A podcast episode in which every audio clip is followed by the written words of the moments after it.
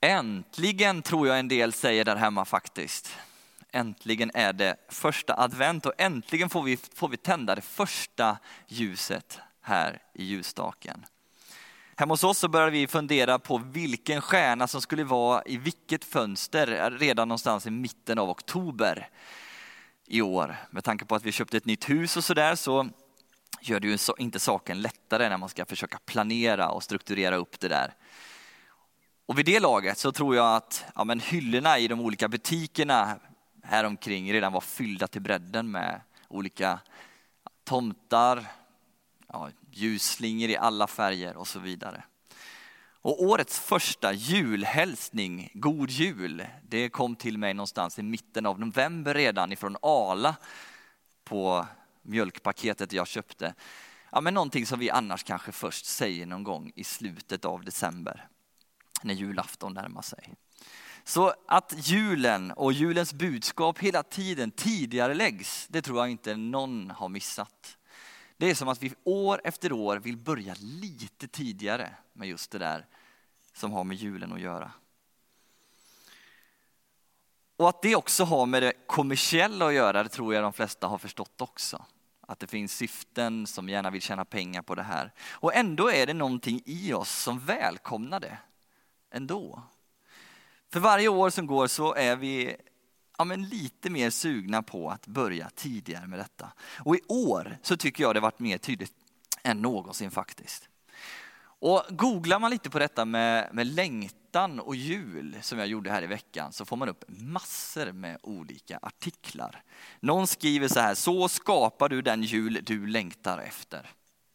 Och någon annan skriver så här, 24 tecken på att du är en julgalning.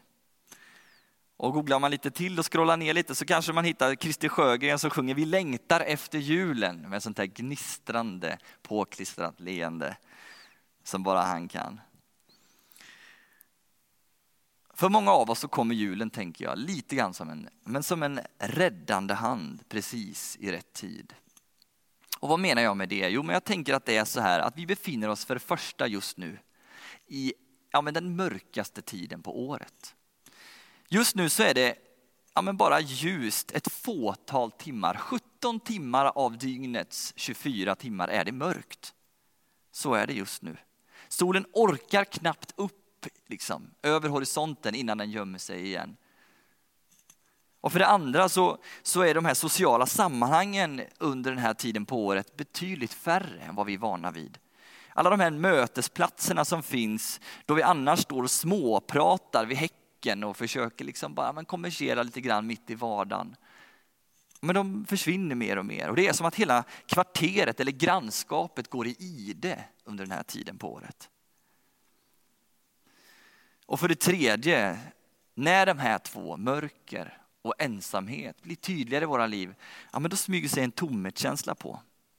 Många av oss kanske känner det så ibland när det är mörkt och ensamt, att livet blir ja men, tomt, trist.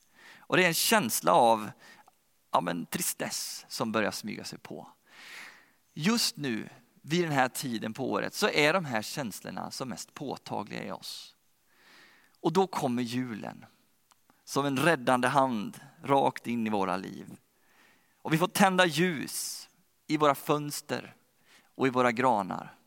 Och vi börjar småprata om det där julbordet som vi ska ha på julafton. Och vi planerar vem vi ska ge våra olika julklappar till. Och vi får någonting att se fram emot. Mörkret skingras, gemenskapen som tätar lite grann och tomhetskänslan avtar. Det är något med julen som gör att vi får lite mer lust att leva igen. Och att det finns en portion av ljus, gemenskap och meningsfullhet i våra jultraditioner. Det tror jag de flesta är överens om. Ändå så råder det såklart inget tvivel om att de här sakerna som julen kommer med sitt kommersiella krimskrams aldrig helt kan fylla ja, men vårt djupaste behov av ljus, gemenskap, av meningsfullhet. Scrollar man ner lite grann i den här eh, sökningen som jag gjorde om jul och längtan så kommer det andra artiklar också. Någon frågar en expert, vad kan jag göra för att julen ska kännas så smärtfri som möjligt? Och någon journalist skriver en artikel som har rubriken Alla barn längtar inte till julafton. Och mer än så behöver det inte sägas för att vi ska förstå ja, men att det finns någonting djupare i oss som aldrig varken jultomtar eller julgransbelysningar eller ens god mat och gemenskap på julafton kan fylla.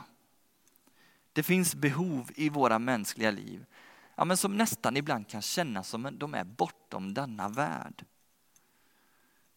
Det finns en törst i oss som kan komma ja, men törst av gemenskap trots att vi har människor i vår närhet. Och det kan dyka upp en hemlängtan i oss trots att vi egentligen redan har ett hem. Och i dagens text som vi hörde läsas för oss alldeles nyss här, när Jesus vandrar in i Jerusalem så märker vi att det verkligen är hög tid och fest. Och vi kan se framför oss hur människor som följt med honom från landsbygden hyllar honom på olika vis. Och man tar det som finns i denna extas, kastar sina egna kläder på vägen så att Jesus kan få gå med åsnan på dem. Och man skär ner stora sådana här palmblad från träden och vajar i vinden med dem som om det vore en flagga för Jesus skull. Vi har kommit till en punkt där Jesus verkligen har blivit omtyckt och uppskattad och beundrad av många. I alla fall på landsbygden där han först verkade. Men inne i Jerusalem är det inte så.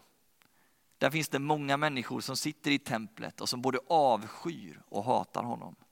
För det upplopp han har startat och för det han lär ut om Gud som går emot maktens män och deras egen vilja att sitta på de höga hästarna. Och strax innan Jesus går in med sina lärjungar i Jerusalem så finns det en liten sekvens där, där lärjungarna sitter tillsammans med Jesus och man märker att de är väldigt rädda. De är inte så sugna på att gå in i Jerusalem och Jesus försöker förklara för dem att när han kommer dit så kommer han behöva dö. Han kommer bli utelämnad, spottad och sparkad på och han kommer bli uppspikad på ett kors. Jag tror de inte riktigt förstår detta fullt ut men de är ändå rädda för att gå in där. Och man kan undra lite grann om man stannar här. Varför väljer Jesus att göra det? Han är ju redan populär. Han har ju redan fått människor att följa honom. Han har förvandlat många människors liv, han har botat sjuka. Han har en hel folkhop runt omkring sig som hyllar honom som kung. Är inte målet redan nått? Varför stannar han inte bara där? Varför ska han gå in i maktens centrum när han vet vad som väntar honom där? Och ett svar på den frågan det är såklart det som vi pratar om varje påsk att Jesus hade ett viktigt uppdrag. Han hade en viktig uppgift att på något sätt försona klyftan emellan Gud och människa. Det här avgrundsdjupet, att människan aldrig riktigt når fram till Gud med sina bristfälliga liv. Det uppdraget hade Jesus med sig. Såklart är det en del av det här svaret. Men det finns också någonting annat här som jag skulle vilja stanna upp vid idag. Och det är att Jesus han har ett speciellt karaktärsdrag. Han har ett uppsökande driv i sitt hjärta. Lyssna bara på orden från Sakarja som ni hörde i inledningen av den här gudstjänsten. Se, din konung kommer till dig. Se, din konung kommer till dig. Jesus han är en person som i alla de här berättelserna vi har om honom alltid alltid är på väg. Han går från stad till stad, från by till by och från strand till strand i sin båt. Hela tiden för att söka upp människor som behöver honom. Han kan inget annat för hans hjärta är av samma slag som Guds. I honom finns en stark lidelse, en ambition att alltid söka rätt på den som har gått förlorad. Den som har gått vilse, den som är bortsprungen, den som har tappat fotfästet, den som har förlorat sig i mörkret, i ensamhet eller tomhet. Den människan vill Jesus alltid få fatt i. Han nöjer sig inte med att röra sig ute i utkanten bland byarna utan han ska in i maktens centrum där människor bor och där det är fullt av människor med mängder av behov. När jag var nio år gammal så var jag och min familj på en husvagnssemester i Göteborgs skärgård. Vi hade bott på samma camping ja, men i många dagar och jag var helt säker på att jag hade koll på hur man rörde sig på den här ön. En dag efter strandstunden vi hade haft med familjen så bestämde jag mig för att jag ville gå, inte åka bil med familjen, utan jag ville gå själv tillbaka till campingen. Och jag var säker på att jag skulle hitta vägen.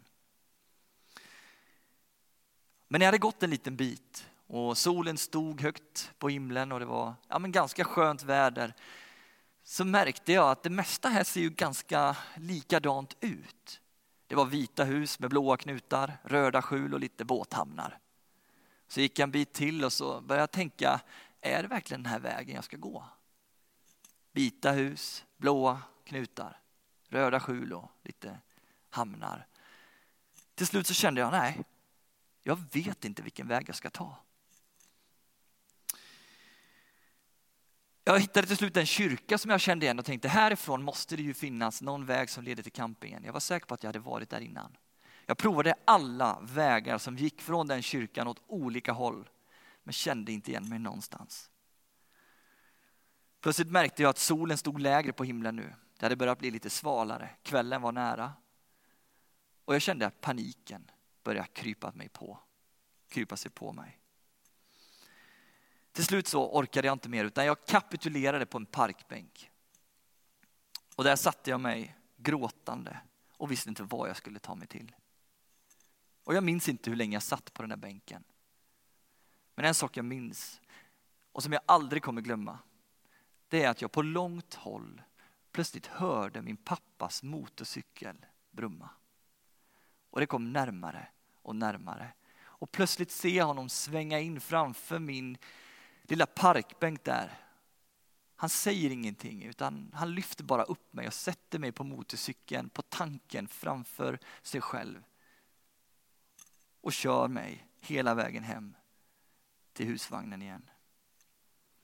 Och den känslan av lättnad, glädje och frihet som jag kände i den stunden, nio år gammal, fullständigt utelämnad och vilse. Den går inte att beskriva med ord. Vilsenheten i vårt land idag tror jag är ganska stor. Vi har aldrig haft det bättre ekonomiskt, det är vi med det klara med. Men ändå är det någonting som gör att vi inte mår bra. Många av oss är vana vid att åka utomlands kanske flera gånger om året till och med. När jag pratade med min mormor strax innan hon dog för ett antal år sedan så berättade hon för mig att hon aldrig ens hade varit i Stockholm. Valmöjligheterna idag är dessutom kolossalt stora om man jämför med förr i tiden. När min mormor växte upp så ja, men var hennes framtid redan utstakad.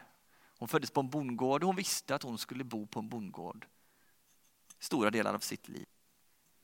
Vi däremot, vi kan välja vilken utbildning vi skulle vilja i hela världen, nästan. Och egentligen är det inte så konstigt att vilsenheten blir desto större när valmöjligheterna är fler. Det är ju lättare att gå vilse när valen är många. Och ibland tänker jag att det är det som händer i vår värld.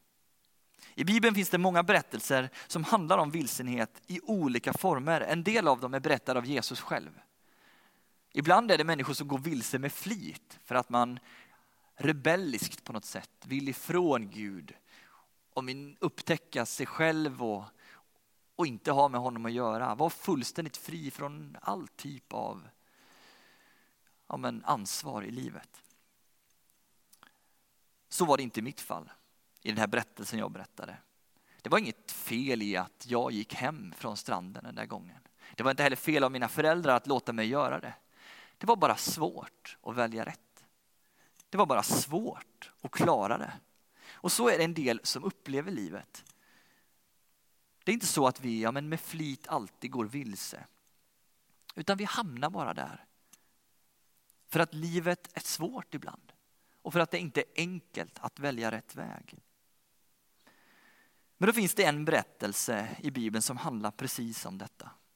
Och det är en berättelse som Jesus själv berättar om en herde som har hundra får. Och ett av de här hundra fåren springer bort och går vilse. Och då gör herden så att han lämnar sina 99 får kvar på en plats för att gå och leta efter det fåret som är bortsprunget. Och det kan ju låta självklart, det hade väl vem som helst gjort, kanske du tänker. Men det säger vi utifrån vår kultur där vi har staket och där vi tänker att våra 99 får, de är kvar där vi lämnar dem. Så var det ju såklart inte på den här tiden. Utan det är ju ren idioti egentligen det som den här herden gör. Man skulle aldrig lämna 99 får som man har i någon slags eventuellt hopp om att hitta ett får som jag inte har en aning om var det är någonstans. Men poängen i den här berättelsen är att Gud är sån. För honom är kärleken till varje människa unik. Och det betyder att han inte tänker, ja men strunt samma, ett får är bortsprunget, det spelar ingen roll, jag har ju 99 kvar. Utan tvärtom så finns det ett uppsökande hjärta hos honom. Som vi också ser hos Jesus. Som gör att han är beredd att gå ut, att leta efter detta fåret. Han tar risker för din skull. Och det är själva anledningen till att Jesus blev människa. Att Gud blev människa i honom. Att han valde att bli ödmjuk till den grad att han föddes i ett stall. Och det är också anledningen till att Jesus väljer att gå rakt in i Jerusalem. Trots att det är farligt, trots att lärjungarna är rädda, trots att alla vet att det här kommer sluta illa. Därför Gud är ute efter att finna människor som är bortsprungna och vilse i livet. Mycket av det som, som vi söker i julen och hoppas att den ska kunna ge oss djupast sett när det gäller ja, men gemenskap, när det gäller ljus och meningsfullhet. Det finns ju där såklart till en viss grad. I mötet med människor kan vi uppleva meningsfullhet. Och i ljusa, glada, lyckliga stunder kan vi känna mycket av hopp och glädje i livet. Ändå vet vi att det finns stunder, och de smyger sig på ibland, då vi anar att det finns ett större behov av gemenskap i våra liv än vad denna världen kan erbjuda. När människor sviker, när relationer brister och när vi plötsligt känner oss ensamma. Då finns det en typ av gemenskap som erbjuds dig och som håller att liksom bygga sitt liv på. Och det är den gemenskapen som Gud vill ge dig. Och Augustinus från 300-talet han uttrycker det så här, väldigt klokt sagt. Du, o Herre, har skapat mig till dig och mitt hjärta är oroligt till dess det finner ro i dig. Du, o Herre, har skapat mig till dig och mitt hjärta är oroligt till dess det finner ro i dig. Om du känner dig vilsen i livet, eller om du någon gång kommer hamna där, att du finner dig själv på en parkbänk gråtandes och du vet inte vilken väg du ska ta. Kom ihåg då att Gud söker efter dig. Gud kommer till dig som vi har läst om idag. Han är beredd att offra någonting för dig. Och jag tror att han precis som han gjorde, som min pappa gjorde med mig, skulle då vilja lyfta upp dig och sätta dig på sin motorcykel och köra dig hela vägen hem till sig. Det var nämligen vad han gjorde med det här fåret när han väl hittade det. Han tog det över sina axlar och han bar det tillbaka till de andra in i den varma gemenskapen igen. För du är skapad av en Gud och det finns ett behov av gemenskap med honom nerlagt i ditt eget väsen. Och det är det som Augustinus pratar om här. Så känner du en längtan efter att få komma närmare den guden, så ropa till honom. Och jag tror du kommer känna igen hans röst, precis som jag kände igen ljudet av min pappas motorcykel på långt håll. Därför det finns någonting i dig som är av Gud givet och som känner hans röst. Som avslutning skulle jag vilja läsa ett bibelord för dig från Saltaren 40. Där står det så här. Länge väntade jag på Herren och han böjde sig ner till mig och hörde mitt rop. Han drog mig upp ur fördärvets grop, ur slam och dy och han ställde mig på fast mark. Mina steg gjorde han trygga och han la en ny sång i min mun, en lovsång till vår Gud. Det är vad julen handlar om egentligen. Bakom allt det kommersiella krimskrams som vi sysselsätter oss med just nu. Det kan ge oss ett mått av ljus, gemenskap och meningsfullhet. Men djupast sett finns en annan längtan där dessa ting grundar sig i. Och det är den gemenskapen som jag skulle vilja slå ett slag för idag. Jesus kommer till dig. Och frågan är snarare om du vill ta emot honom i ditt liv. Vi ber tillsammans. Tack Jesus Kristus för att vi får fira advent. Att vi får gå in i denna glada, härliga, positiva högtid. Där ljuset står i centrum. Där budskapet om dig får klinga starkt och klart. Och vi ber Gud att vi skulle bli påminna om att du vill ha med oss att göra denna julen. Att du kommer till oss därför att du älskar oss och för att du har en liderlig och fantastiskt djup och stor kärlek till var och en av oss. Hjälp oss i vår vilsenhet som vi ibland känner att vi hamnar i. Och våga lita på att vi kan få ropa till dig och att du kommer till oss som du kom och hämtade det förlorade fåret. Och som du kom till mig på parkbänken genom min pappa. Tack för att du älskar oss och att du sänder människor i vår väg som kan bidra till vårt liv och att det ska få bli ljusare, mer fyllt av gemenskap och meningsfullhet. I Jesu namn. Amen.